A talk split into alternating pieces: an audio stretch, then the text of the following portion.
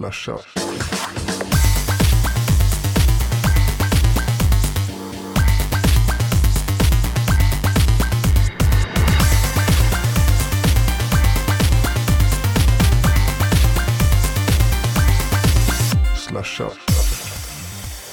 På med eran foliehatt och ner i källan. Det är inte ett kärnvapenkrig på G utan det är faktiskt slashat.se. Din absolut bästa kompis i machete- machetedjungeln Jesper. Nu höll I jag på... machetedjungeln. Jävlar vilken jobbig djungel! Där sket sig ordentligt. ja, i alla Oh. fall. Nej. Såklart så lyssnar ni på slashat.se. Din machete i teknikdjungeln. Ytterligare en vecka med Tom och Jesper som ska lotsa och guida er igenom den här lilla underbara världen som vi kallar för teknikvärlden. I synnerhet internet. Men ibland så kryper ner en liten story om eh, bilar som parkerar automatiskt eller smått och gott. Hur som haver, nu är det faktiskt dags att börja med showen Jesper. Och hur har din vecka varit? Den har varit sådär har jag hört. Rykten går att du har åkt på en IT-krasch. Ja, det är väl lika bra vi avhandlar det i och med att vi ändå inte har det som ämne någonstans i, i veckans avsnitt. Konstigt nog. Eh, nej, jag... Alla har ju hört min långa resa över att få tag på en iPhone 4. Och eh, under helgen så eh, lyckades jag slarva bort mina nycklar. Som dess eh, bättre är återfunna nu. Men eh, i ett försök att backtracka från lägenhet till spårvagn för att se om jag har tappat dem på väggen.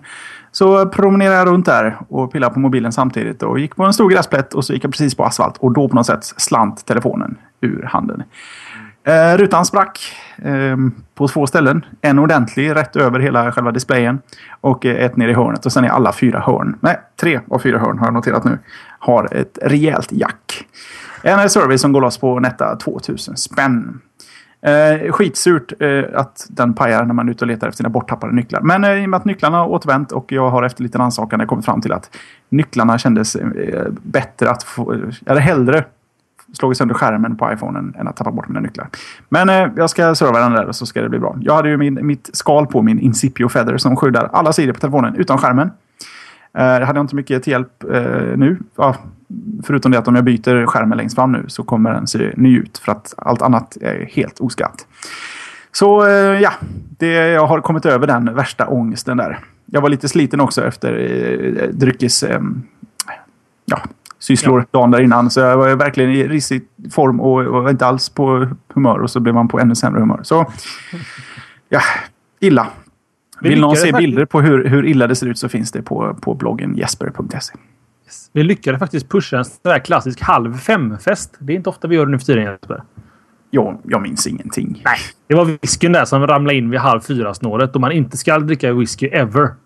Ja, precis. Det, whiskyn tror jag förstörde hela, hela upplevelsen. Ja, god whisky har jag hört så här i efterhand.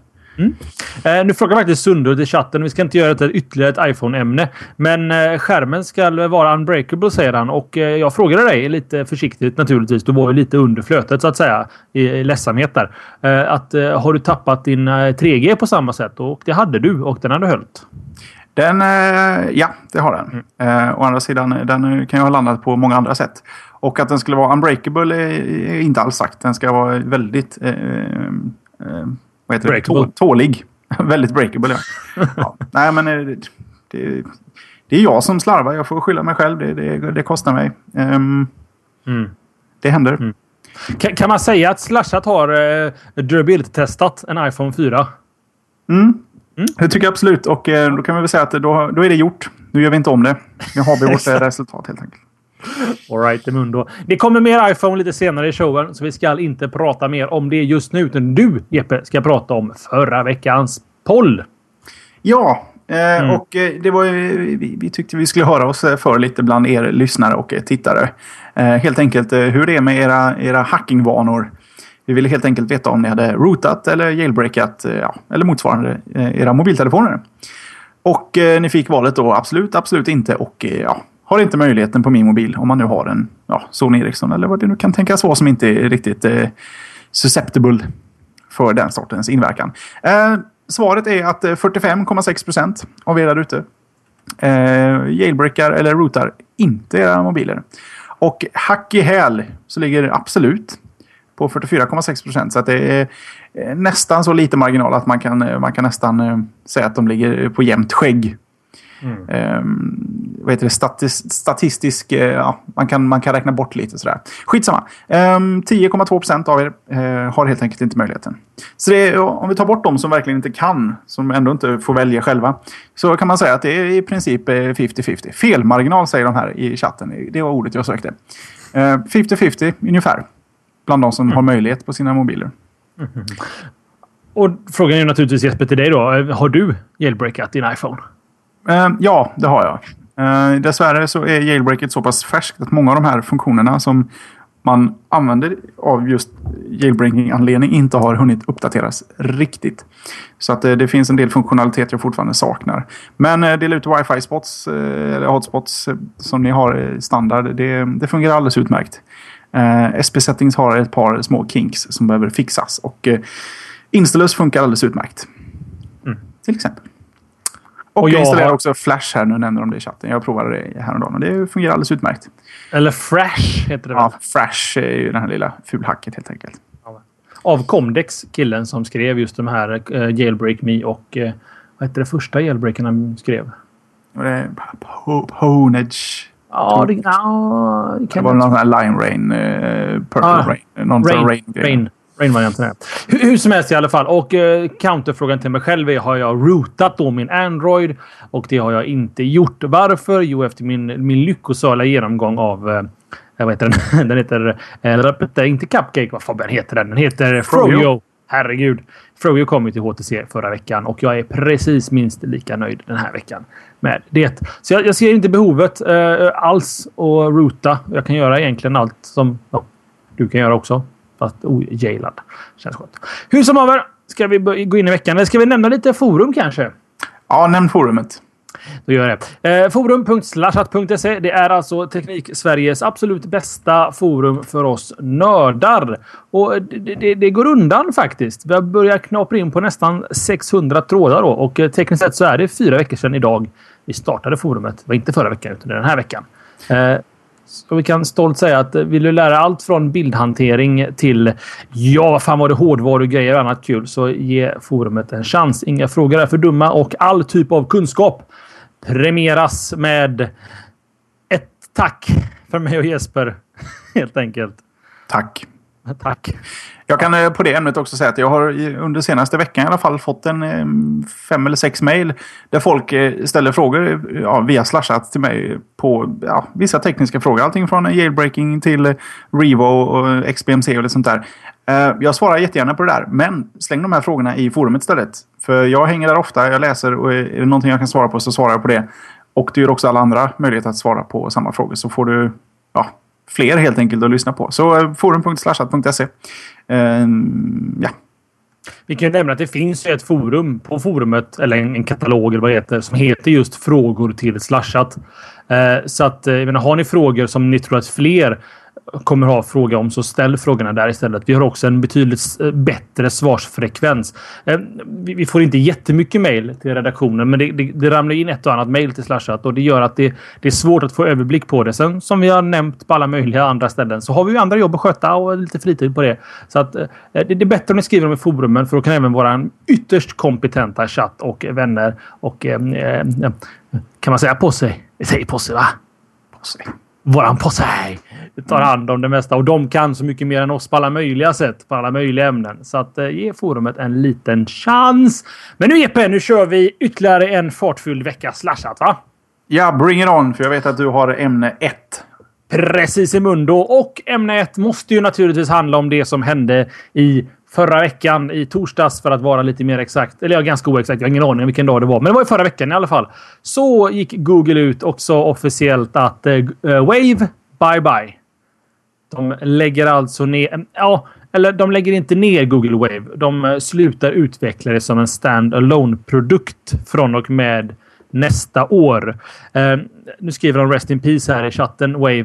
Och eh, det betyder egentligen bara att funktionerna... Wave kommer med några riktigt fina funktioner. Eh, till exempel live typing och live photo sharing och alla de här grejerna. De bitarna kommer behållas och integreras in i andra funktioner hos Google. Då kan ni tänka till exempel eh, Gmail kommer förmodligen kanske få ett collaborative tool. Älskar svengelskan vi har den här showen. Faktiskt fått skäll för det. på mejlen någon gång vill jag minnas. Någon som tyckte att prata svenska för fan. Ja, ja, sa jag. Det är inte lätt. Man pratar i en teknikvärld.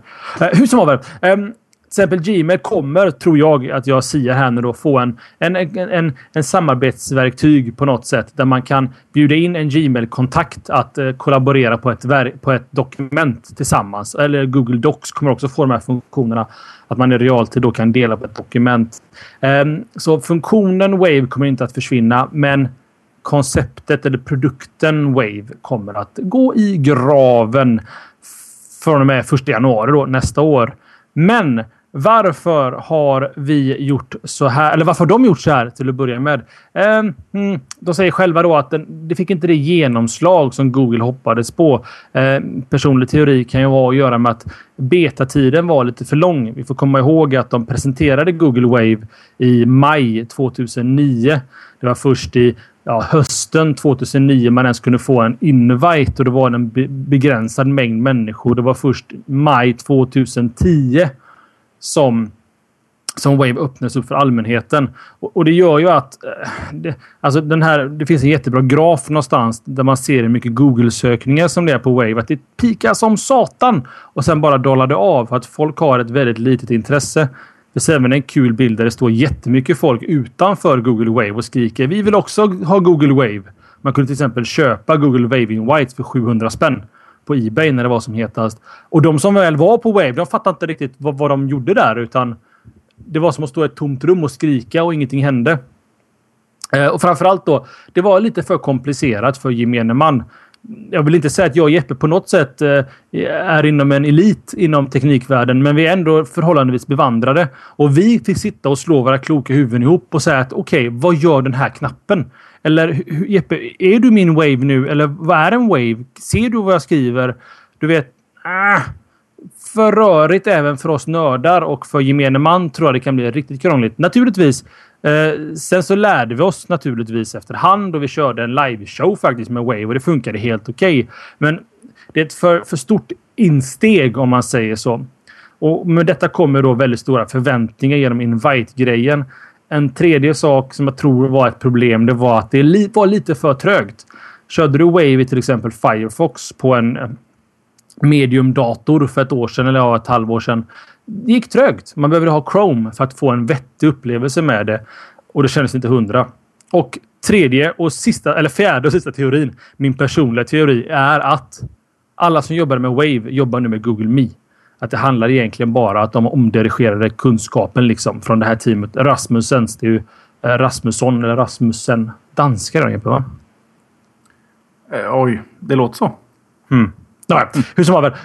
De, de som skapade Wave, de, ehm, de är förmodligen, förmodligen, inget, inget bevis på detta, eh, om, om placerade då till Google Me, deras nya social media-satsning. Och sista grejen som jag måste nämna är att man får inte ställa sig 2009 i maj och säga att det här är nya e-mail. Och då och sen inte leverera. Danskare säger chatten här. Vad bra. Dansk! Jag vill ju lägga till något som nämndes här i chatten också ett par gånger. Eh, gränssnittet är helt enkelt... Eh, nu gick du in där på lite med knapparna, men eh, Google är ju rätt konsekvent dåliga med att göra gränssnitt som, som håller måttet för gemene man också. Och precis som du säger, jag, jag anser mig hyfsat tekniskt bevandrad trots att jag har en iPhone. För det är oftast jag får höra att du kör en iPhone. Det är för folk som inte är intresserade och inte kan. Uh, men alltså, nej, det, gränssnittet var krångligt och här långa betatiden och det var svårt att få tag på folk, få in folk. Det var, jag har till och med svårt att se att den skulle kunna överleva även om man hade låtit alla komma in med en gång. Men det lät också i chatten som att eh, funktionaliteten av det här live-redigering, eh, collaborative, att det, det fanns i eh, Google Docs nu. Ja, och, inte live-typing väl? Jo, de sa det här i chatten. Okej, okay, vi låter det vara osagt. Men där tycker jag absolut att den, den borde finnas. Om den inte gör det. Och gör den det så good work. Och eh, bara för den funktionen tycker jag det var bra att Wave dök upp. Men eh, som tjänst eh, did not fly för min del helt enkelt. Mm. Mm. Men jag vet att du Nej. har en liten frågeställning runt just Wave också va?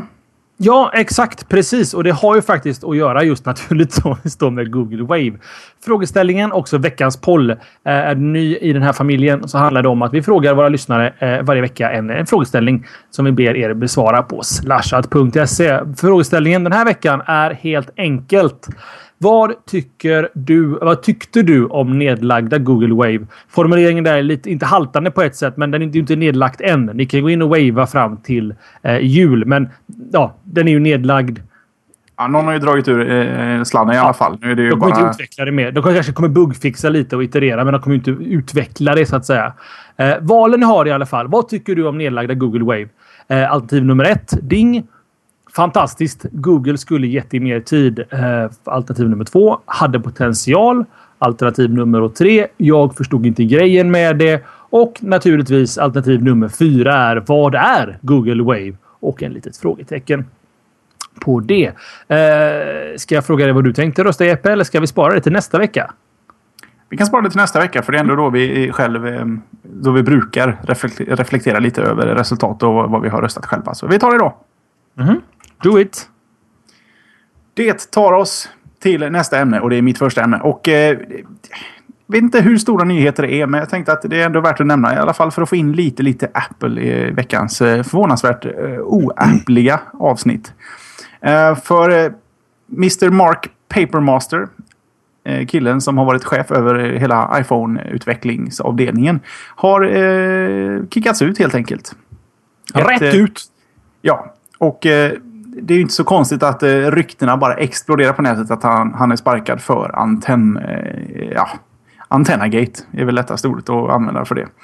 Uh, och uh, det, det, skrevs ju spaltmeter om det där. Uh, sen har det ju, vi kan ju nämna det här att Papermaster, här är alltså, om ni kommer ihåg nyheterna från ungefär två år sedan tillbaks. När Steve Jobs var väldigt sjuk och hade lämnat, ja, han hade lämnat företaget för, för lite, ja, vad heter det, sjukskrivning. Då försökte de få in den här killen som tidigare jobbade på IBM. Men han fick inte börja jobba. För att eh, det, det låg lite i konflikt med, med, hans kontrakt att han hade jobbat på IBM innan han hoppade över till Apple. Och fick helt enkelt inte jobba i tre månader. Medan Apple och IBM eh, via sina eh, rättsliga ombud eh, mm, löste den tvisten. Så att eh, till slut så fick han komma tillbaka då. Men det som sen har rapporterats efter alla de här rykten om att det var just antennproblemen som är anledningen till att han har sparkats. Så verkar det visa sig att eh, Papermaster och Steve Jobs helt enkelt inte drar riktigt, riktigt jämnt. Eh, Steve Jobs har ju en vision om hur Apple ska drivas och hur det är. och eh, Papermaster, jag tror att det, formulerades lite som så att han hade liksom inte riktigt samma vision och inte den här riktigt, han var inte tillräckligt kreativ inom iPhone-segmentet så mycket som Steve Jobs kräver av sina medarbetare. Och eh, det är även sagt att han eh, ska ha blivit ombedd att lämna företaget även innan iPhone 4 dök, eh, dök upp, släpptes. Så ja, ut med honom. Och sen gick det ett litet rykte om att Mark Papermaster slutade och så skulle Nigel Antenna Master ta, ta över platsen för antennavdelningen för iPhone på iPhone biten helt enkelt. Men eh, det var också bara ful på hit som eh, cirkulerade eh, som ett skämt på nätet. Men det finns alltid bloggar och Fox som tar upp det som nyheter. som en super, super, super parentes här. Det är samma med Torrent Reactor som skulle köpa en stad i Ryssland. Läste du om ja, det? är väl också, också ett prank va? De ja, det, det var ett prank. rätt ofta. Skulle ja, inte göra kondomer med Ria också eller vad det var? Roligt. Ja, det är humor. Nej, men tillbaka till eh, våran Papermaster. Och han heter på riktigt då Papermaster. Det, det är lite det är hans namn helt enkelt. Um, han är ju sparkad. Han är, han är sparkad. Att bli ombedd finns... att sluta, det är, det är en ja. sorts soft spark rätt ut. Det finns liksom inget snack om det egentligen, utan det, det, det, här. Så här ligger det till. Som jag har hört mig till på This Week in Tech och jag har läst mig till på bloggar runt om i, på intrawebben. Um, Apple, han hade ett högprofiljobb på Apple. Eh, darlingfireball.com netorg eller vad det nu är. Och personen som arbetar där på John den bloggen. Gruber. Exakt. Han, eller han Daring har... Fireball till och med så har vi rättat det här också. Ah, tack. Eh, han, han har väldigt bra insyn i Apple. Eh, och Han säger att snacket på insidan av Apple när han, Papermaster, kom till Apple, han kallades för The Antenna Man. Bokstavligt talat. Det var han som... Alltså han skulle ha credden för den här sinnrika designen av den nya antennen på iPhone 4. Eh, och Apple har en tendens av att högprofilpersoner, eh, Ives och alla de här, de får vara med i reklamfilmer hos Apple. De, de sitter där och berättar passionerat om produkten och de är förmodligen väldigt passionerade. Kan jag tänka mig. Över, jobbar man flera år med en produkt så blir det väl som en, ja, som en, en god vän till den.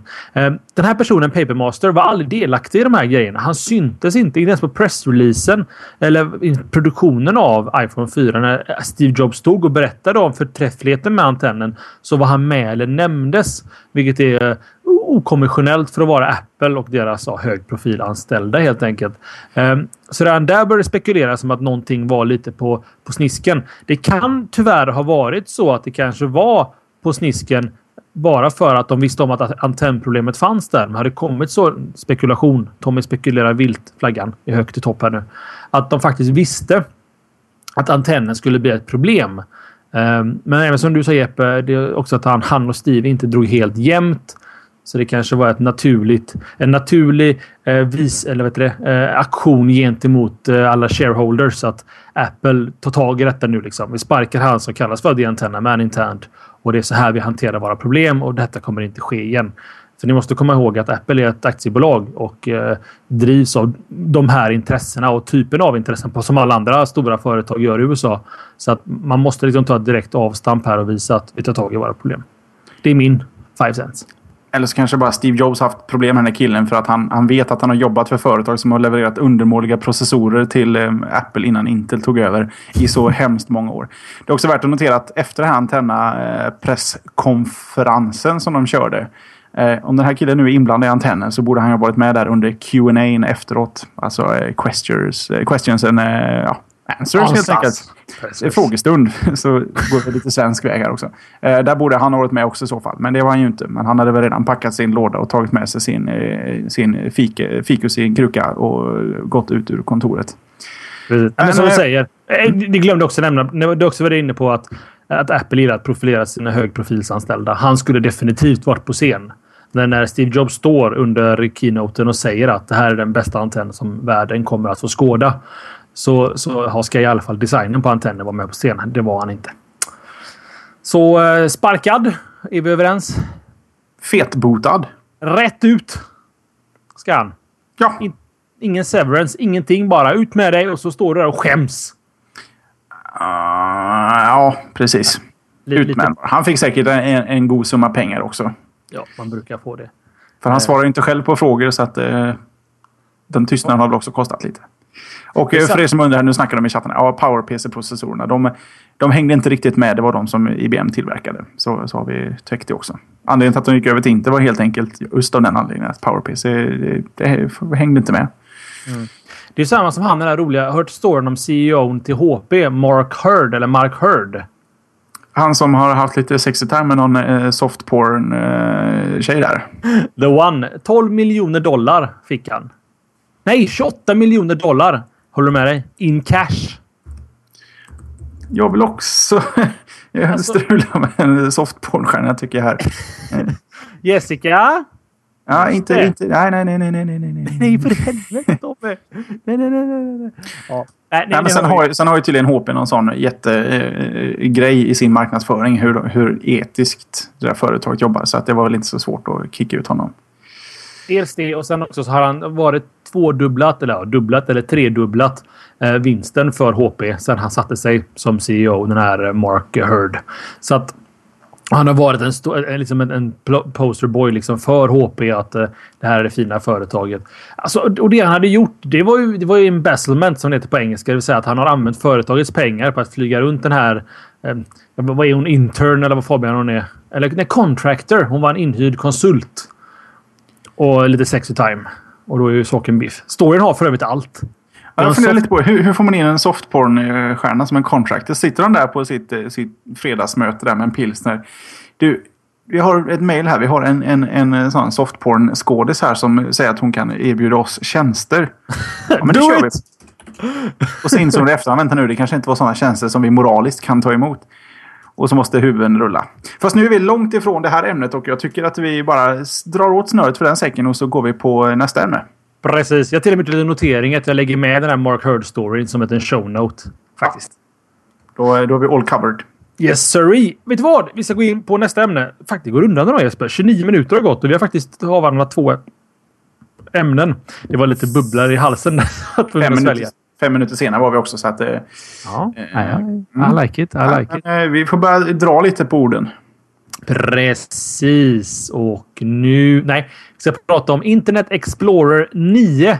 Eh, om du minns det så förra veckan så hade faktiskt eh, Internet Explorers eh, sjunkande siffror eh, stagnerat i det avseendet att det hade stannat av och de faktiskt visade en positiv ändring. Alltså IE fick mer användare eh, Eh, under förra ja, mätperioden bland webbläsarna.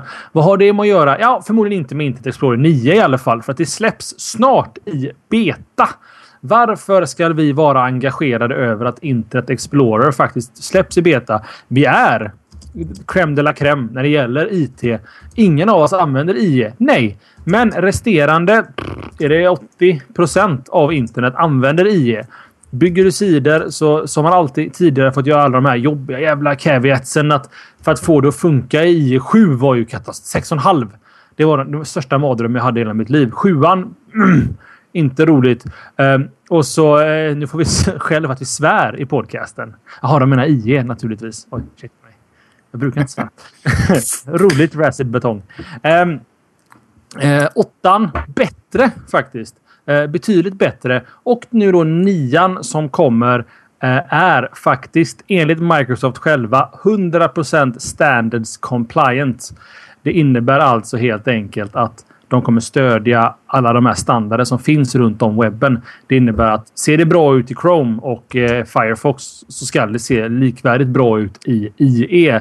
Eh, sen också eh, så skårade den faktiskt. Betan skårade 95 i ACID-testet.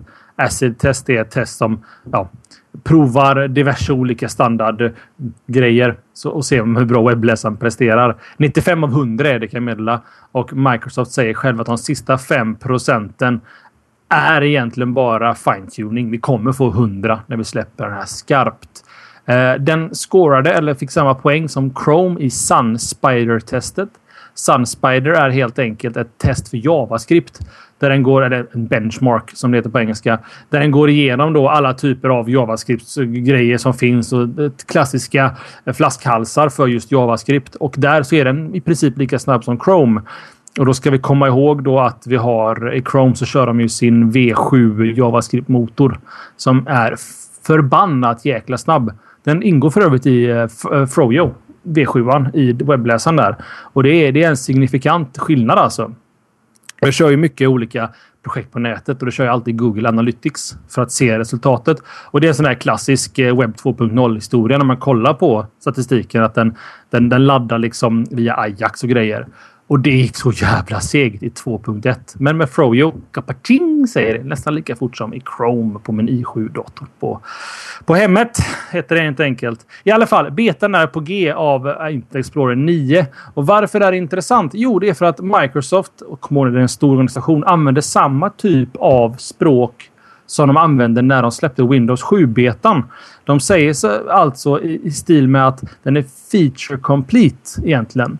De vet vilka funktioner som ska finnas. De har gjort funktionerna och betorna handlar egentligen bara om förbättringar och små förfiningar av de funktionerna som finns. På samma sätt som Windows 7 då var egentligen en gång feature complete när betorna började komma på Windows 7. Eh, så att eh, jag är försiktigt optimistisk. Jag ser inte mig själv switcha till Internet Explorer under några omständigheter. Men fortfarande så är det 80 någonstans procent som faktiskt kör IE som inte förstår att de kan byta webbläsare som vi ändå måste göra produkter för. Så att, eh, nej men det är glada nyheter Jesper. Men vad är men. nyheterna då? Funktionsmässigt nyheterna? Att, att deras webbläsare ett par år senare hinner ikapp andra webbläsare i, i eh, fundamentala webbläsarfunktioner. Finns det några extra goodies? Jag gillar goodies. Stuff. Ja, en goodie som jag varit inne på innan i Slashat är att den är hårdvarubaserad rendering av till exempel SVG och sånt där. Och att den är väldigt... Den använder hårdvara med. Jag till och med använder GPUn för att uh, rendera vissa saker. Vilket är bra. Mm. Till exempel också att den... Fan, nu kanske snurrar till det lite här, men den hade någon 3D-accelerationsstöd för 3D-kort i webbläsaren. Eh, och som eh, en anonym chattare skriver här att IR renderar HTML5 sjukt snabbt. Eh, snabbare än Chrome till och med. Eh, Nej, men det, fram, framförallt, alltså, och sen är det Jeppe, det är en jättebig deal att Microsoft blir faktiskt standards compliant. Det, det, alltså, de skulle kunna få ta exakt samma feature set som de har i i8 och släppa IE9 med precis samma funktioner. Men allt som det behöver stå är 100% compliant och det räcker för mig för att då, då slipper vi de här fruktansvärt omständiga jävliga Eh, saker som man gör när man designar någonting. Allting ser oh, kanon ut. Firefox, Chrome. Awesome! Så ringer en kund. Du, jag använder IE här och det ser för jävligt ut. Jaha, just det. Den klarar inte av Moss Border Rounded-taggen eller vad den heter. Nej, men då börjar vi om och så gör vi en CSS-running av våra jävla boxar. Ni, ni, förstår att jag är på väg med detta. I alla fall webbutvecklarna av lyssnarna. Eh, det är jävligt skönt att se att IE och framförallt Microsoft tar tag i detta. Eh, så är det. Jeppe på somna. Tycker inte om IE? Nej, jag som är fan, jag lyssnar med intresse. Jag undrar ah, bara... Eh, de... Ja. Det här, det här är en liten underlig situation för ingen som har lite datorvana och internetvana använder Internet Explorer. Eh, men ändå måste alla utvecklare som aldrig någonsin använder Internet Explorer allt de utvecklar måste ändå göras så att nötter som kör Internet Explorer ska kunna se saker. Men eh, visst, eh, that would be the day om Internet Explorer faktiskt visar sig efter nio olika varianter dyka upp i en fullt användbar funktion. Eller version. Problemet är ju att den är fortfarande ohotat störst. Och eh, mycket mer tacksam att ge sig på från folk som eh, vill folk illa. Och eh, av den anledningen så... Mm, jag vet inte. Det är ju inget jag kommer till. Den lär ju aldrig dyka upp till Max. Så för min del är det ju inte ett, non-issue så sett. Jag måste också rätta mig själv. Jag hade chans att få upp siffrorna här. 60,74 procent har IE. Firefox 22,91. Chrome 7,16. Safari 5,09 och Opera 2,45. Så 60 procent använder Internet Explorer. Och, eh, och, som du är inne på det Jeppe. Eh, det är ändå 60 procent. Det är nästan 61 procent av hela internetbefolkningen som använder IE. Ja, det är ju, det är ju nötterna. Jo, visst är det det. Men det är också, det är också de som till exempel hänger på Facebook och sånt där och faktiskt... Eh, hur ska jag uttrycka mig för att få det att låta vettigt? De har högre konsumeringsfrekvens på nätet, de här 60 procenten, än de resterande 40. Ja, så fan, de klickar ju på allt som poppar upp.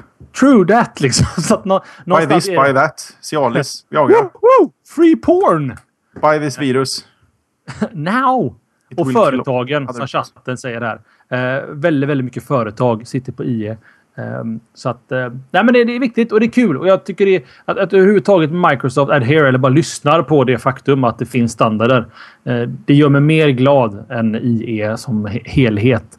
Och det är väl egentligen därför jag eh, lyfter upp det lilla ämnet i dagens och veckans slashat. Det tycker jag du borde ha gjort. Ja, yeah, du har gjort också. Mm. Nu blir det Bing för hela slanten va? När vi pratar Microsoft.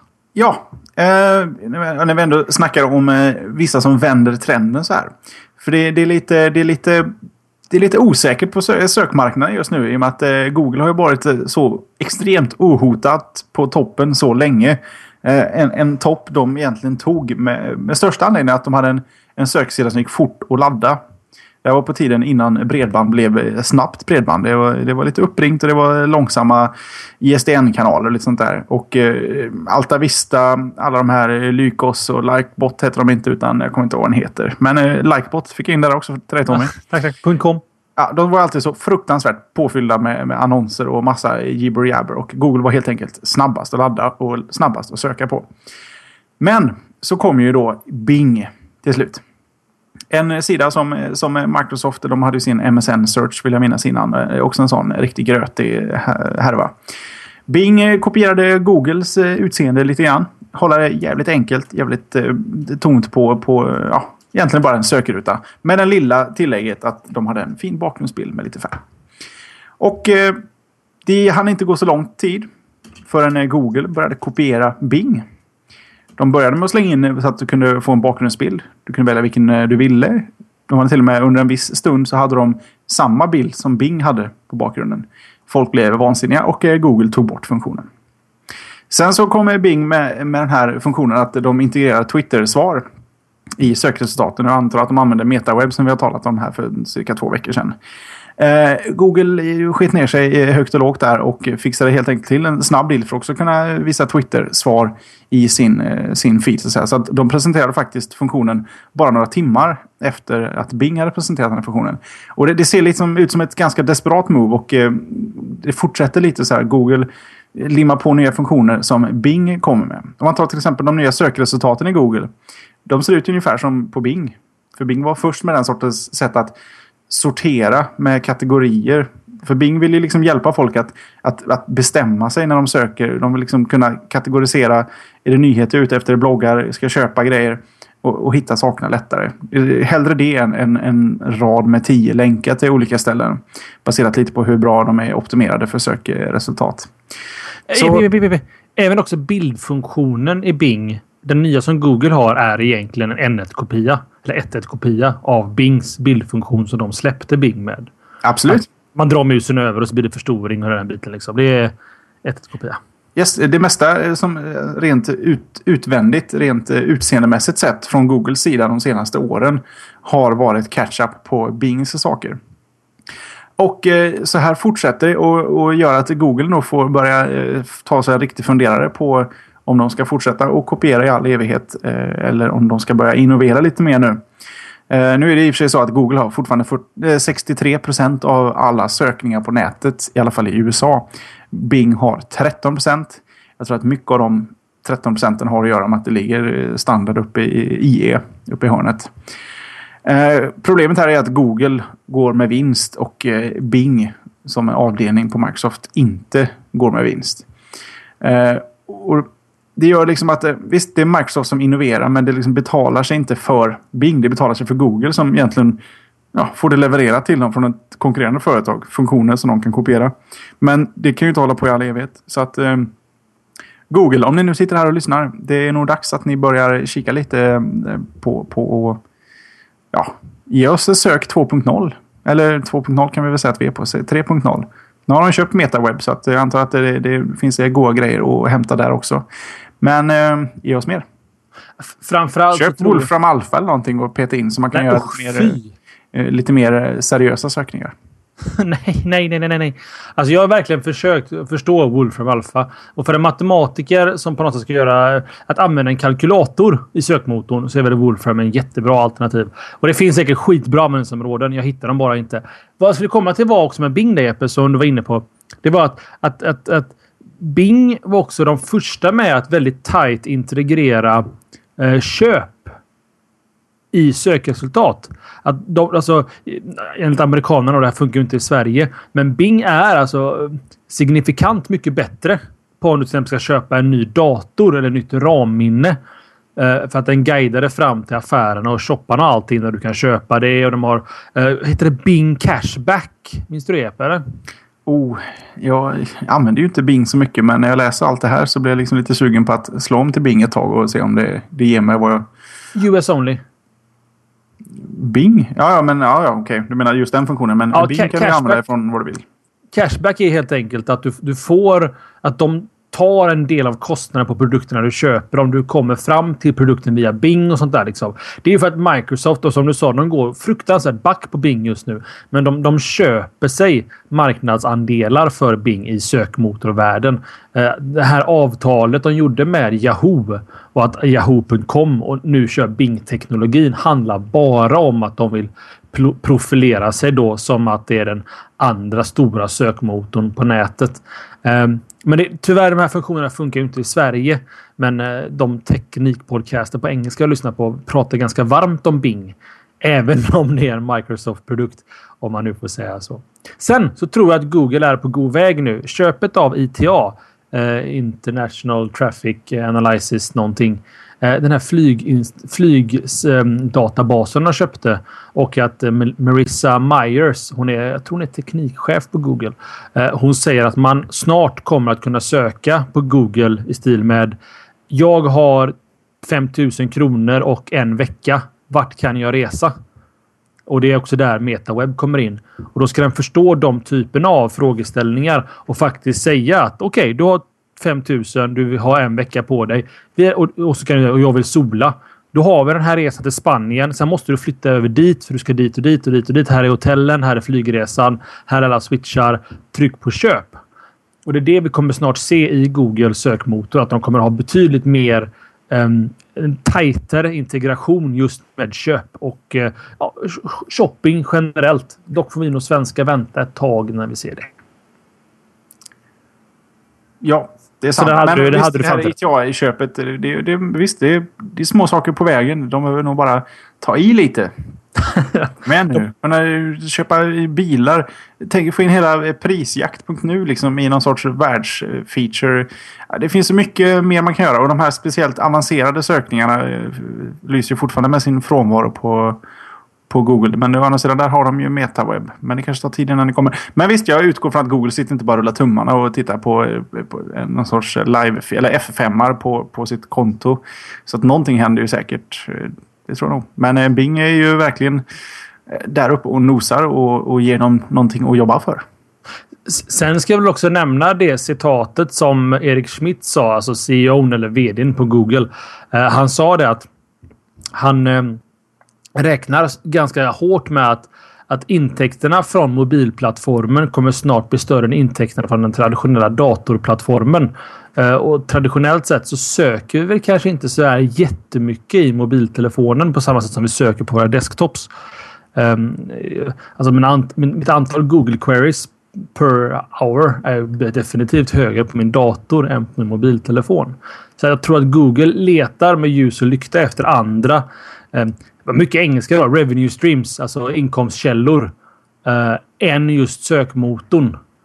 För att eh, jag tror, det är mycket filosofi här, men jag tror även att social search kommer bli jättestort ganska snart. Att, att istället för att du ger dig ut i det stora vilda internet och försöker hitta information så kommer den informationen kureras av dina vänner eller en grupp med människor som du, som du har ett förtroende för. Och då försvinner lite av poängen med den traditionella söken, tror jag. Mm. Ja, jag håller med. Fast jag tror å andra sidan, till skillnad från dig, att eh, på, det, mer och mer kommer göras på mobilen.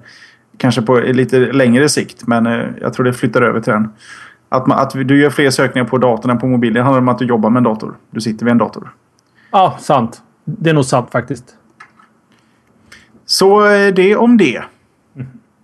Nu ska jag också berätta att eh, live-tittarna får en liten live-preview här på ett rådjur som går på min äng nedanför mig. Jag kan och eh, tittarnas vägnar säga att jag ser inget rådjur på din videofeed där. Men eh, ni, som, ni som inte är med på vad jag menar var här live på tisdagar 19.30 så fick jag klämt in det där mittemellan två ämnen också. Det är här Precis. ni får se video när Tommy filmar. filmar. Rådjur. och framförallt om det inte skulle vara för rådjuret som folk ändå inte såg på den lågupplösta kameran. Eh, så framförallt, vi har ju livechatten som hänger med oss genom hela försnacket, showen och sen eftersnacket. Eh, och det blir det, det, det är väldigt, väldigt nördigt men väldigt roligt. Speciellt eftersnacket för att där kan du få köptips och vissa annat smått och gott eh, som eh, en, en ytterst kompetent grupp med människor har svar på. I alla fall, tillbaka. Är vi nöjda med Bing så Jeppe? Det, det känns eh, Bing Bing. Klart. Mm. Så var det med det. Ska jag Mm. kanske bara dyka rätt ner i som vanligt då mitt Android-ämne för den här veckan? Veckans Android-ämne. Eh, nu tror chatten att jag är, är lite för alkoholpåverkad. Jag tror att jag, jag är aldrig nykter egentligen. Jag bara håller den här konstanta bassen genom livet. Det är jävligt krångligt att man ska köra jobb, eh, bil till jobbet, inte jobb till bilen. Hur som helst. Eh, 200 000 Android-telefoner aktiveras dag, dagligen då enligt Erik Schmidt, ännu en gång här vdn på Google. Eh, I torsdags så meddelar då den samma Erik att eh, 200 000 Android-mobiler aktiveras varje dag. Och håller de den här farten så kommer ungefär 73 miljoner aktiveringar ske på ett år. En aktivering som jag har förstått det, det är när du loggar in med ditt Google-konto på din Android-telefon. Um, Eh, vad som är mer imponerande än kanske bara siffrorna är just drivkraften bakom de här siffrorna. Eh, för i maj i år, 2010, så var frekvensen på de här alltså aktiverade Android-mobiler 100 000. Det innebär alltså att från maj till eh, torsdags förra veckan, vilket är början på augusti 2010, så har det alltså ökat med det dubbla till 200 000. Man, man, tror då att framgången är till stor del tack vare Motorola Droid X och Evo 4G som båda säljer riktigt, riktigt bra i USA. Och eh, Samsung har en ny linje med Android-telefoner på väg ut. Och det snackas även om Desire HD. Eh, Samsungs telefoner heter Ep Epic 4G, Cap Captivate och Samsung Vibrant. Eh, så siffrorna lär ju inte dala för kvartal 3 och 4. Så att eh, det, det, det går bra nu för den lilla droiden Jeppe. Ja, det gör det. Det är kul. Mm -hmm. Ja, men det, det som vi sa, alltså vi pratade om detta lite på en vinprovning vi var på i söndags, jag och Jesper. Och, och någonstans så det, det är inte osannolikt att detta, detta skulle hända liksom. Uh, men, men mitt bett ser bättre och bättre ut skulle jag vilja säga för varje dag som går. Bettet handlar naturligtvis då om att eh, jag tror, eller vet naturligtvis att Android kommer vara större och populärare än iPhone lagom till julhandeln 2010. Och Jeppe tror lite bakvänt kan man väl säga va? Ja, ja, det, det, ja just det. Det borde jag göra. Problemet är att vi har lagt betten nu i december om inte jag minns fel. Ja, julhandeln. Det Julhand. minns jag. Ja, det, det är väl i december. För nu, nu går ju rykten om att det ska komma en CDMA-iPhone här. Eh, starkare rykten än ever. Eh, och eh, det är nog en big deal för just eh, USA-marknaden och det skulle, det skulle dyka upp i januari i så fall. I och med att en iPhone, låst eller oupplåst, det finns bara två olika nätverk den kan köras på i USA för att de är inte GSM-folk generellt som vi är. Utan de kör sin lilla speciale där och då spelar det ingen roll då finns det liksom ingen större marknad för upplåsning eh, där. Men skulle det då komma en telefon som även stöder det här andra stora nätet de har så kanske den skulle ha lite mer skjuts där borta. Men visst, det finns eh, hur många Android-telefoner och tillverkare som helst och eh, det är en, en match and a half mm. för en tillverkare med en aktuell modell. Ja, de har ju kört i och för sig två aktuella modeller hela tiden. Vill du ha dagens rykte? Låt höra. Uh, iPhone 4, den vita, är CDMA-iPhonen. Ja, det känns som en fabricering av att den inte har dykt upp och att det här ryktet har dykt upp. Så någon, någon känt att okej, okay, vi slår ihop den här. Det är rimligt att de håller på den. Ryktet kommer egentligen ifrån att eh, Apple har, har beställt en sjuka mängder med eh, CDMA-chip från Qualcomm i jag vet inte, Korea eller var de beställer dem ifrån. Och att eh, Verizon ett, en mobilleverantör i USA kommer att ha en keynote på eh, C, C, vad heter den? stora IT-datamässan. CS? CS, ja precis. Eh, traditionellt sett så är det alltid Steve Ballmer, som upp, Microsofts eh, VD, som öppnar eh, CES. Eh, och sen så är det liksom Ford och lite andra. Men eh, Verizon har aldrig haft en keynote-möjlighet med sin VD. Eh, så att alltså, ja, ryktet säger då helt enkelt att de kommer säga att Oh, and by the way, we will have iPhone this January. And it'll be white. Mm. Ja, den som lever får se helt enkelt. Mm, mm. Ja, men som vanligt, jag måste ju, jag måste ju petta min egen ko här. Va? Och eh, någonstans så är jag nöjd med det faktum att det går jävligt bra för Android. Mm. Sen hade vi en jätteintressant diskussion idag på jobbet. Eh, efter jobbet, på lunch menar jag. Eh, just om styrkan och svagheten med det som du var inne på förut där. Eh, eh, med just hårdvaruplattformen. Att Android har två jättestora hårdvaruleverantörer som pumpar ut hårdvara. Den här känslan att, att ha det senaste är ju, är ju betydligt svårare på Android-plattformen än på iPhone-plattformen just för att det kommer en iPhone per år. Alltså hårdvaran iPhone. Eh, ingenting kommer garanterat hända. Om inte jag släpper då i januari. Men det kommer fortfarande vara en iPhone eh, 4 med CDMA-stöd i sådana fall. Ehm, nästa stora utveckling av iPhone kommer komma nästa sommar.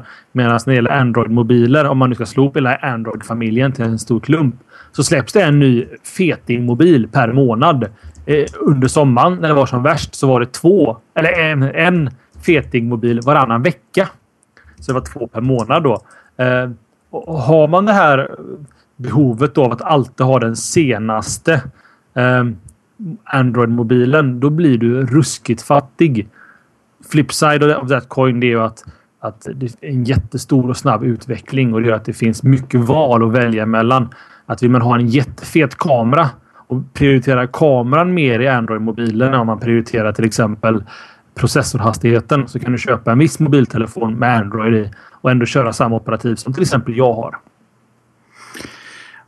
Jag har egentligen bestämt mig för att inte gå in på den här sortens diskussioner eh, sådär våldsamt mycket mer. Jag, kriget iPhone eh, Android är inte sådär våldsamt intressant. Men om vi knyter tillbaka till det vi sa, jag vet inte om vi sa det i början av programmet eller om vi sa det i förshowen, att eh, det är aldrig bra tid att köpa en dator. För att så fort du har köpt den så är den gammal och daterad och det finns redan något mycket bättre ute. Och i och med att det alltid finns, att det aldrig är bra tid att köpa dator så är det alltid bra tid att köpa dator. Det appliceras ju inte riktigt på samma sätt för en Apple, eh, ja, den som köper Apple-prylar. I och med att de är den enda leverantören. När de har släppt något nytt så dröjer det ett tag tills den kommer i en ny variant helt enkelt. Mm. Och då, då kan du liksom inte bli omkörd tre veckor senare för att någon, någon släpper en ny pryl. Eh, ja, I och med att det är de själva som släpper prylarna. Mm. Och eh, det, det, det, här, för det var någon som skrev på, eh, jag tror det var GPs teknikblogg där, hon eh, Wieselgren. Så de är ju väldigt, väldigt hårda i kommentarerna där. Och tyckte hur, hur dum i huvudet är folk som sitter och köar till en telefon. Och visst, jag, jag kanske inte skulle sitta och köa hela natten över, eh, över en mobil. Men om man vänder på det, det här händer en gång om året. Om, om, om Android-folk skulle köa till att köpa senaste Android-telefonen så skulle de köa dygnet runt, året runt. Och så fort de kommer ut i butiken med den nya telefonen så är det bara att sätta sig i kön igen till när den nästa släpps dagen efter. Så får de sitta och hålla på så tills eh, ja, tiden tar slut. För det släpps ju nya Android-telefoner precis hela tiden. Och man får liksom aldrig känslan av att man har... Och visst, det är en, det är en upplevd känsla att, att man har det senaste eller att man har det nu, nu, liksom, nu är jag framtidssäkra. Så här. Du nämnde till exempel att du, du har ändå hopp om att din telefon håller till, till, till nästa sommar. Och det, det är ett års livstid på den. Och man ser redan de här små läckta videosarna på nästa Desire. Det, det är inget som rör dig i ryggen alls. Att, eh, din telefon som fortfarande i Sverige är svår att få tag på på grund av leveransproblem. De, de, den, är, den är inte helt lätt att hitta än. Att den fortfarande, eller redan nu anses, eller anses utav oss som ändå är inne i det här, tycker att eh, det har kommit större, bättre, nyare efter det och eh, nu visar till och med uppföljaren till din upp. Visserligen inte via officiella kanaler, men eh, det dyker ju upp. Mm. Eh, först och främst ska jag bara kommentera det du sa om att folk som dissar folk sitter i kö. Alltså, jag hoppas och tror att vi snart kommer komma förbi det stadiet där man dissar andra för data och teknikintressen. Jag menar, eh, folk som gnäller över att jag, sitter, jag skulle jättegärna sitta i en kö för någonting jag tror på. Sen om det är en musikartist eller om det är en iPhone eller Starcraft 2. Det ska andra egentligen skita i så länge jag har kul när jag gör det. jag tycker det, är det, är lite, det är lite av en grej också. Och kö, det är ju inte så alltid ja. bara prylar. Men att sitta där, det är ju en liten sorts gemensam... Det, det är ju det är som DreamHack. Man menar, spela på nätet kan du göra hemifrån. Det är liksom ett sätt. Det blir kul att träffa andra liksom, likasinnade. Och göra ja. en liten grej av det. Liksom. Ja, exakt, och det är lite det. Eh, jag tycker, jag tycker det är så jävla tråkigt att folk ens har fortfarande den inställningen anno 2010. Liksom. Att, att det skulle på något sätt vara... när jag var ung så var det nördigt som fan att spela tv-spel. Eh, och jag hittade några kompisar på skolan som också gillade Nintendo 8-bitars för er lite youngsters där ute. Eh, och jag tyckte det var jättekul. Idag så spelar egentligen alla tv-spel och det är liksom någonting som alla gör. Det är helt naturligt och bra och, och det ska man göra. Och jag menar, folk som gnäller på att folk har andra intressen än de själva. Det är människor som borde skaffa sig fler intressen eh, på något sätt. Skit i det nu. Ni, vi är alla överens på den punkten. Köa så mycket ni vill och ska vi komma dit och köa med er så står jag gärna där och dricker en öl och köar. Tycker det är kul att köa till någonting vi är intresserade utav. Sen så har du också en viktig grej där Jeppe. Angående iterationen eller förändringen av Android-plattformen. Det, det, här var diskussionen som vi hade på MSN då, eller G-talk. Och det handlar egentligen för mig om så handlar Android mer om mjukvaran. Eh, som jag var inne på där så min Desire kommer att kunna köra Gingerbread.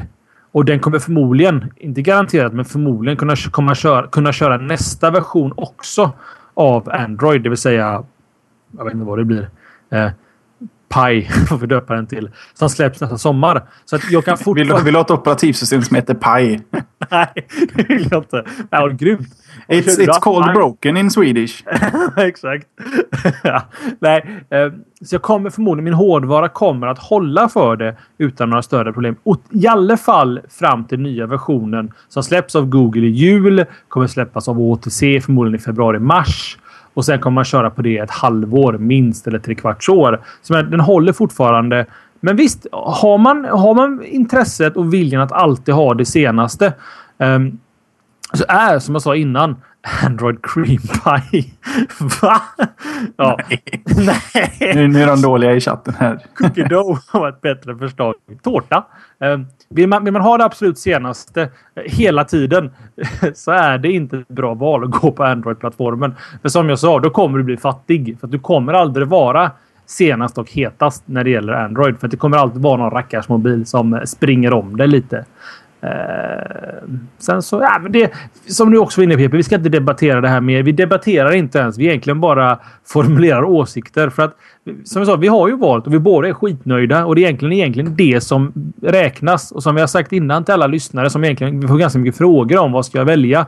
Välj det som ligger dig närmast om hjärtat. Gå och lek med två mobiler. Snacka med lite kompisar som du har förtroende för. Fråga dem vad tycker du? Och, och ta beslutet därifrån. Um, det här kriget som pågår, det är bara löjligt. Det påminner mig om PC mot Mac liksom, på 90-talet eller sent 80-tal, början på 90-talet. Liksom, Apple kommer förlora oavsett, det vet vi. Nej, men du har helt rätt. Om du är nöjd och jag är nöjd så finns det liksom ingen anledning att, att ens bråka om det. Det är liksom när du går och köper en drink i baren och så går jag och köper en drink i baren och så säger jag att men, min drink är ju mycket godare. Och så säger du nej, jag tycker min drink är jättegod och så fortsätter vi. Men är vi båda nöjda så spelar det ingen roll. Köper du ett hus du tycker är nöjd med och jag köper ett annat hus som ligger på ett annat ställe och du är nöjd där du bor. Då finns det liksom ingen anledning att, att bråka. Helt Exakt. onödigt. Är Helt alla nöjda så är jag glad. Att det finns flera operatörer eller flera utvecklare. Det däremot tycker jag är bra. Mm, det kan jag också hålla med om. En styrka i alla fall för Android. Och som Hjalmarsson säger i chatten här. Min pappa är starkare än din och min, min pappa är polis. Så där har vi saken avklarad och klart. Det är ju så. Och så kan jag lägga ytterligare en plugg för forumet. Det finns massa trådar i mobilkategorin runt iPhone och Android. Allt från Android Newbies till Android Pros och det, detsamma då för iPhones och I, I, iOS-användare. Så kolla lite där ifall ni vill ha lite köptips. För vi har mer ämnen Jesper. Det här är en lång show idag. Ja, det blir det. Du som var så lite orolig där i, i mitten. Mm. Privacy Mode. Mm -hmm. På din webbläsare Tommy, är det något du använder någonsin? Bara när jag ska planera hemliga överraskningar till Helena. När du surfar porr? Precis. Yes. Surprise! Buttsex surprise! Analsex.com. Finns det en bra video på, på, på, på en, en sån? Oh. Jag ska se om jag kan hitta länken till det. Um, jo, Tack. Privacy Mode inte så private har det visat sig. Efter att eh, ett gäng och med ett gäng så menar jag tre forskare på Stanford University plus en kille från ett annat eh, icke-känt eh, universitet har eh, testat de här olika privacy modesen. För det finns ju i, i princip alla de stora webbläsarna idag. Och eh, av de stora webbläsarna så kan vi till exempel lägga eh, Firefox, eh, IE, Chrome och Safari. Opera, jag är ledsen. Ni får inte vara med i just den här. Inte för att jag vet om de berörs, men jag utgår från det. Men de här på Univers eh, Stanford University tyckte helt enkelt inte Opera var stort nog för att tas upp. Jo, det handlar då om att eh, människor använder privacy mode, eller i alla fall tänkt använda privacy mode på ett sätt i, i första hand att lokalt kunna surfa utan att någon annan på samma dator ska kunna hitta vad det är du har surfat på. Det ska inte gå att leta sig reda på. Eh, vissa av de här privacy-lägena på vissa av de här webbläsarna funkar också så att, eh, att eh, det inte ska gå utifrån att ta sig in i din dator och se därifrån. Men eh, huvudsaken är att det inte ska gå att se på samma dator lokalt helt enkelt. Men det finns sätt runt det här i precis alla de här fyra stora webbläsarna. Eh, till exempel Firefox använder ett eh, Custom Handler-protokoll. Där den helt enkelt eh, låter URLerna du har varit på sparas. Till och med efter du har gått ur din privacy session. Mycket engelska, svengelska ord här Tom. Eller det är inte ens svengelska, det är rent engelska ord. Men det är okej. Okay. Om vi tar till exempel IE, Chrome och Safari så kan man eh, via säkerhetscertifikat och, och eh, SSL-anslutningar också eh, få rester av vad man har varit. Man kan till och med skapa sig en, en historia i någon sorts tidsordning vart du har varit på sidorna. Uh, via JavaScript kan en eh, sajt till exempel temporärt skapa ett nyckelpar för krypterade SSL-anslutningar. Och de här finns då kvar även efter att ha gått ur ditt privacy mode.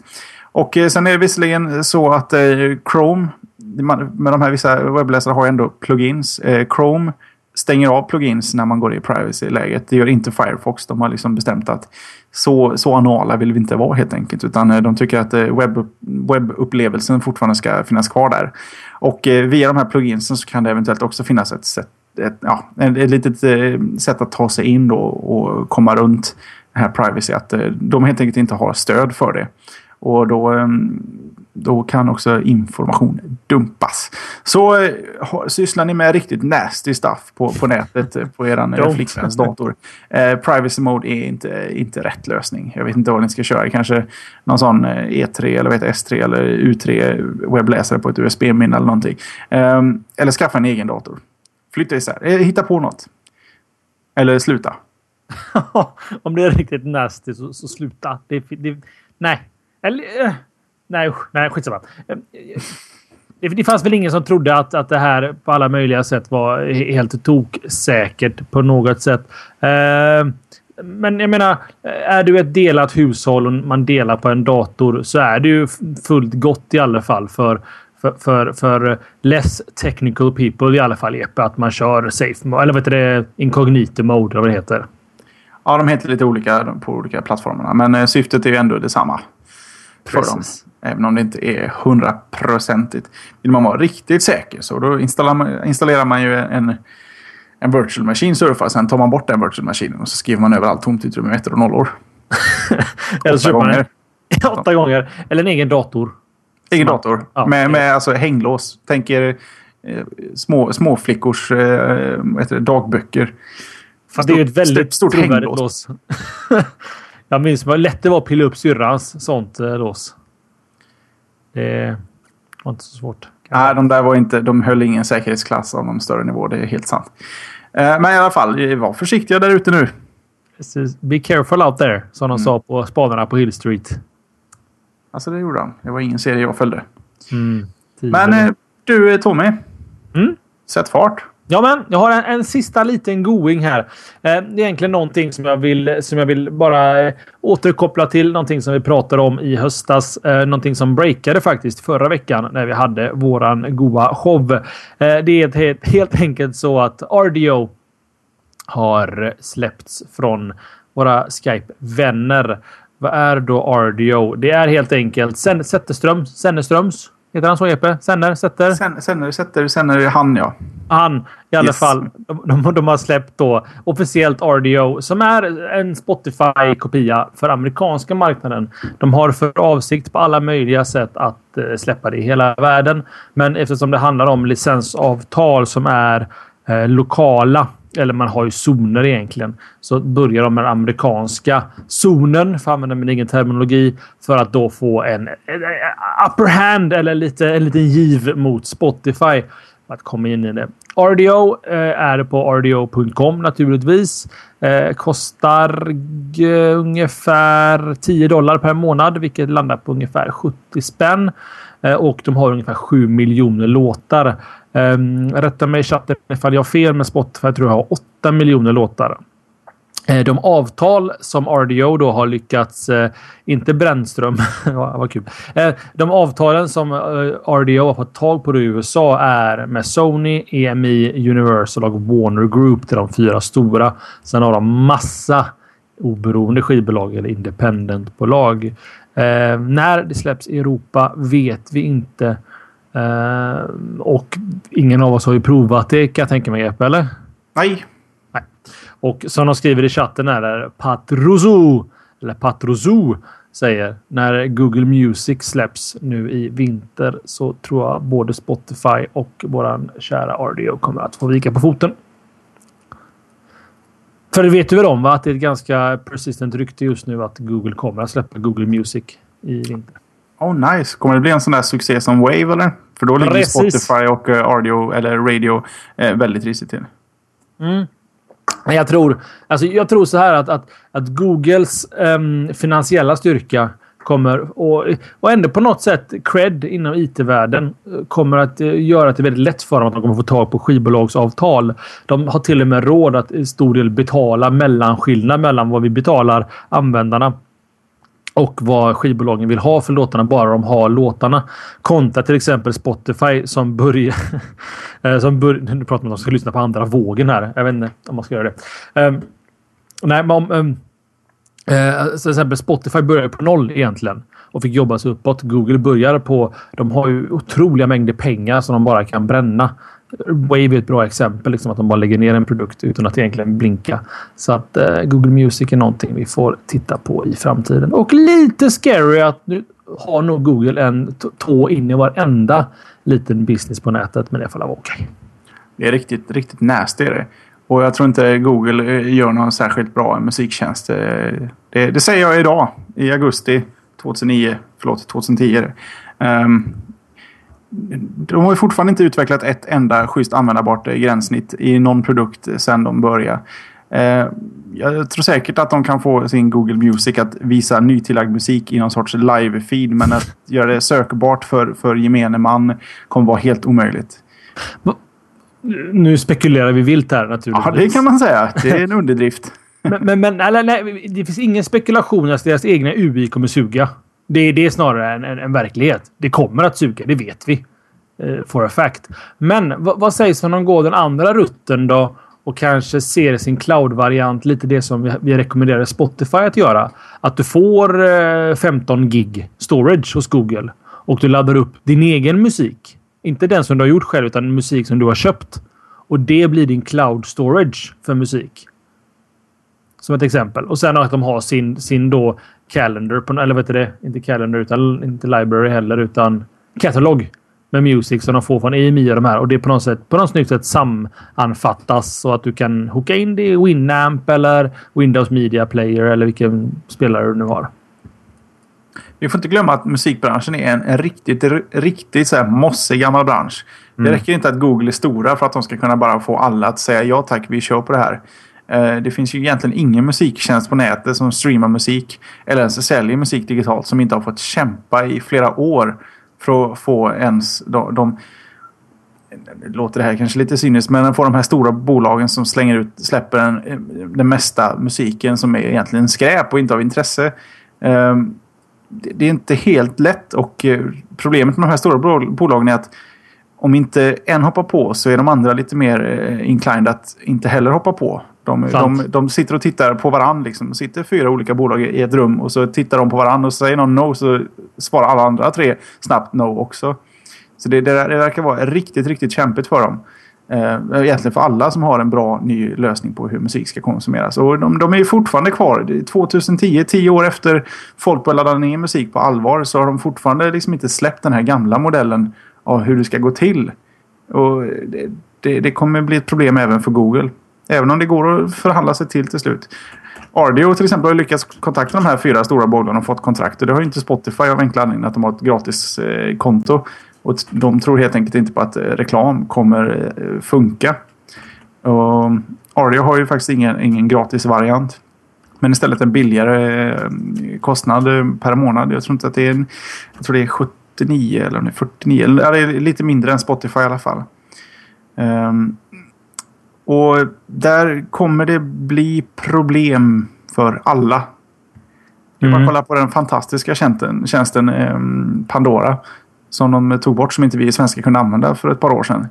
Den är alldeles briljant. Den är, den är som en som en som en Groove Shark fast laglig. Så mm. de, de, fick bråka hur länge som helst och nu, nu har de någon sorts handikappad variant ändå. Och det, det är trist att de inte kan inse värdet i, i utveckling. Ja, det, det, alltså det, det, det, det är lite filosofiskt här också. Det, ja, men det, det, är bra för att jag, tycker det är så jävla synd för att de, de, de lever på gamla meriter, skivindustrin. Att det, allting var så jävla bra när vi köpte kassetter, vinylkakor, heter det så? Ja, det så. Vi bestämmer det. Och när vi köpte CD-skivor. Allting funkar så bra och det var den bästa affärsmodellen. Men vi har utvecklat, eller inte vi, men tekniken har utvecklats på alla möjliga sätt och då måste de hänga med. Någonstans så måste de ju inse att att vi vill konsumera musik genom Spotify eller Groove Shark eller RDO eller Pandora. Och att de måste förstå att de, de måste katta lite av deras vinstmarginaler för att faktiskt fortfarande ha en vinstmarginal istället för att bara gå med förlust.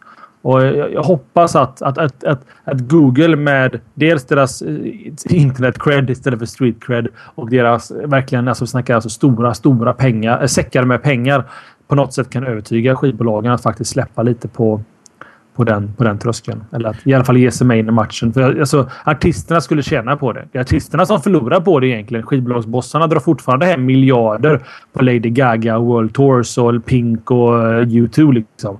De kommer inte ha problemet utan det är Jeppe egentligen. det är jag. Nej, men eh, det är sant. Och, och, samtidigt, trots att de är så gammalmodiga så har de insett att vi tjänar inte pengar här och valt nya metoder. För det finns ingen stor eh, artist, eh, världsartist som signas idag eller nykommande, liksom sånt som de planerar ska bli stor. Där de skriver kontrakt bara på musiken.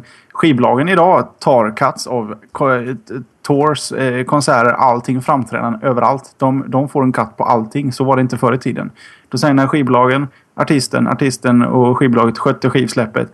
Sen hade då eh, managementbolag och så betalade de visst royalties för att spela. Men nu ska ju skivbolagen, de får ju en, en del av hela eh, turnéinkomsten.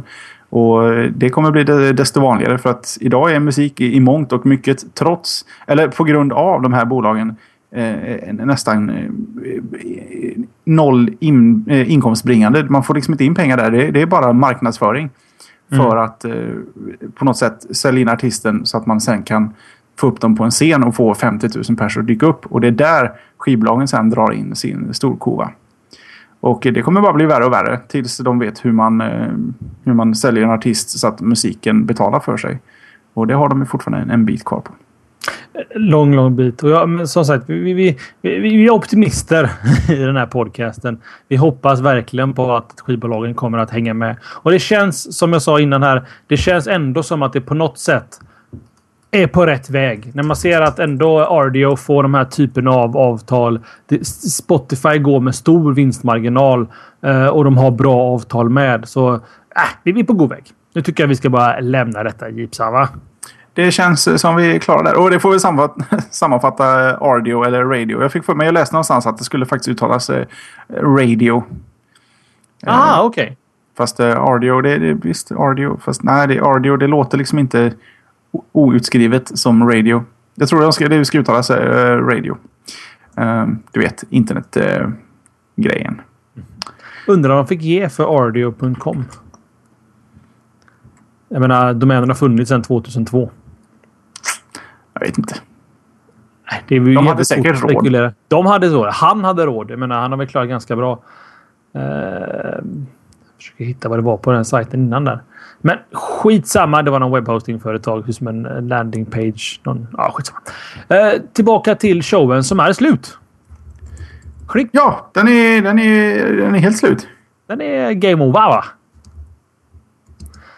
Ja, nej, det var väl bra så eller? Ja, ska vi, nu går vi och duschar grabbar. Ja, precis. Av med, av med paltorna så kör vi en dusch. En dusch på det. Sen tror jag är redo för allt ikväll. Nej, vi ska ju köra våran harang som Jeppe på något sätt har memoriserat så fantastiskt bra. Så jag bara lutar mig tillbaka och njuter av lite Jesper Söderlund.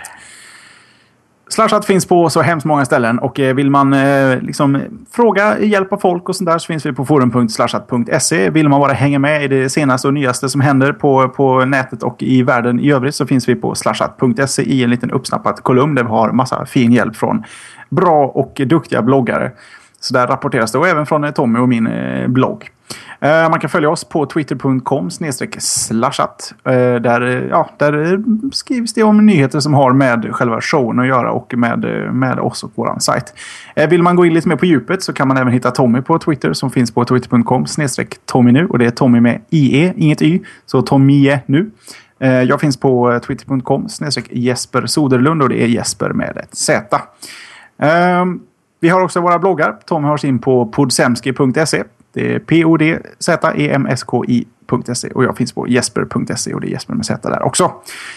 Vi hittas även på facebook.com slashat och vi filmar ibland lite grann eh, när vi provar lite program när vi är ute och kollar till eh, Retrospelsmässan till exempel. Eh, sist så tittade vi in, eh, eller ja, frågan är, det, det bråkas lite om vi faktiskt tittade in kön på, på Starcraft 2 eh, uppesittardagen eller kvällen, natten där. Men allt sånt hittar ni på slashat.tv och eh, vi tycker det är roligt att filma så att där kommer det dyka upp mer allt eftersom. Live.slashat.se. Det nämnde vi här någonstans, mitt emellan ett par avsnitt. Det är ju här vi sitter tisdagar. Från 19.30 börjar eh, försnacket. 20.00 börjar själva inspelningen av programmet. Håller på ungefär en timme, en timme 15 minuter. Och efter vi har stängt av själva inspelningen här, då börjar eftersnacket. Tommy snackar upp alla i brygga i chatten medan jag snabbt redigerar ihop avsnittet för att få ut det till er så fort som möjligt. Eh, men eh, där snackas det om ja, vad vi sa fel, vad vi sa rätt. Och sen så kommer lite allmänna frågor. Och så har vi bara trevligt här i någon ja, halvtimme, 40 minuter sådär. Har jag glömt något Tommy? Ja, och eh, något av ett stående inslag i eftersnacket är den mycket mystiska mannen Magnus Johansson. Jonasson menar jag naturligtvis. Du har sagt fel nu i ett halvår. Det är dags du ja. lär dig hans namn. Han kan heta något mer okonventionellt än Magnus Jonasson. Typ. Jonasson är väl ändå inte ovanligt? Nej, men det är för vanligt. Kanske inte. Jag vet inte. nu har vi sagt hans fall. namn alldeles för många gånger för att inte nämna hans blogg. Så kör vi magnusjonasson.com så han fått en liten, liten eh, blänkare här också. Denna mystiska man som vi egentligen inte känner, som egentligen är med på allt som Slashat gör. Oh, and we love it! Så att, vill ni men höra nu, hans... det här laget känner vi väl honom? Ja, jo, det är sant. Men han är ju en slashat-kille, va? Kan man ju säga. Vi kände inte han innan pre-slashat. Absolut inte. Men eh, det är väl kul att man lär, lär känna nya vänner eh, även via sådana här hobbys som eh, ja, får en att dricka öl mitt i veckan. Definitely. Det är ungefär som om man är singel och går på en konsert med en artist som man själv tycker om. Träffar man en tjej eller kille där så vet man att de i alla fall har bra musiksmak. Ja, och om man nu är singel så kanske man ska komma då till våra slashat meetups. För då träffar du någon som gillar teknik. Det är ju mycket killar så att antingen så får du ha killintresset eller så får du vara tjej och gilla killar. Så kan vi på något sätt kanske styra upp det där. Så kan vi ha en slashat familj och så föder ni ett barn och så döper ni den till Tommy eller Jesper. Det blir jättetrevligt. Nu är det definitivt dags att lägga ner veckans avsnitt Tommy. Nu har vi, nu har vi gått för långt helt enkelt. vi tackar, bockar och bugar och ni har lyssnat på slashat.se. Det är Machete Teknik Musikdjungeln avsnitt 73. Jag heter Tommy och han heter Jesper. Ha det förbannat gött! Först nästa vecka. Ha det bra! Slasha.